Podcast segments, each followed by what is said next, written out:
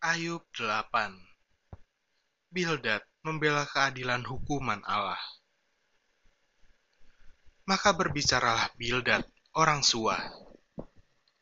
Berapa lamakah lagi engkau akan berbicara begitu, dan perkataan mulutmu seperti angin yang menderu?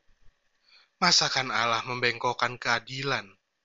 Masakah yang Maha Kuasa membengkokkan kebenaran? Jikalau anak-anakmu telah berbuat dosa terhadap dia, maka ia telah membiarkan mereka dikuasai oleh pelanggaran mereka.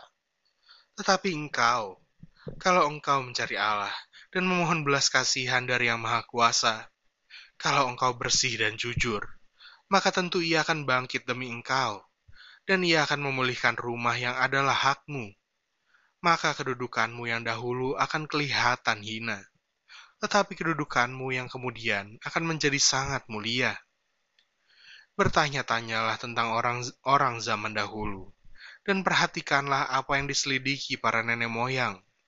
Sebab kita, anak-anak kemarin, tidak mengetahui apa-apa, karena hari-hari kita seperti bayang-bayang di bumi.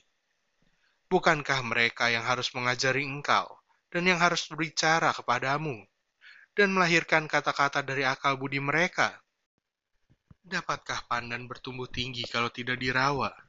Atau mensiang bertumbuh subur kalau tidak di air. Sementara dalam pertumbuhan, sebelum waktunya disabit, layulah ia lebih dahulu daripada rumput lain. Demikianlah pengalaman semua orang yang melupakan Allah. Maka lenyaplah harapan orang fasik, yang andalannya seperti benang laba-laba. Kepercayaannya seperti sarang laba-laba. Ia bersandar pada rumahnya, tetapi rumahnya itu tidak tetap tegak ia menjadikannya tempat berpegang, tetapi rumah itu tidak tahan. Ia seperti tumbuh-tumbuhan yang masih segar di panas matahari. Sulurnya menjulur di seluruh taman. Akar-akarnya membelit timbunan batu, menyusup ke dalam sela-sela batu itu. Tetapi bila ia dicabut dari tempatnya, maka tempatnya itu tidak mengakuinya lagi. Katanya, belum pernah aku melihat engkau, Demikianlah kesukaan hidupnya, dan tumbuh-tumbuhan lain timbul dari tanah. Ketahuilah, Allah tidak menolak orang yang saleh, dan ia tidak memegang tangan orang yang berbuat jahat. Ia masih akan membuat mulutmu tertawa, dan bibirmu bersorak-sorak.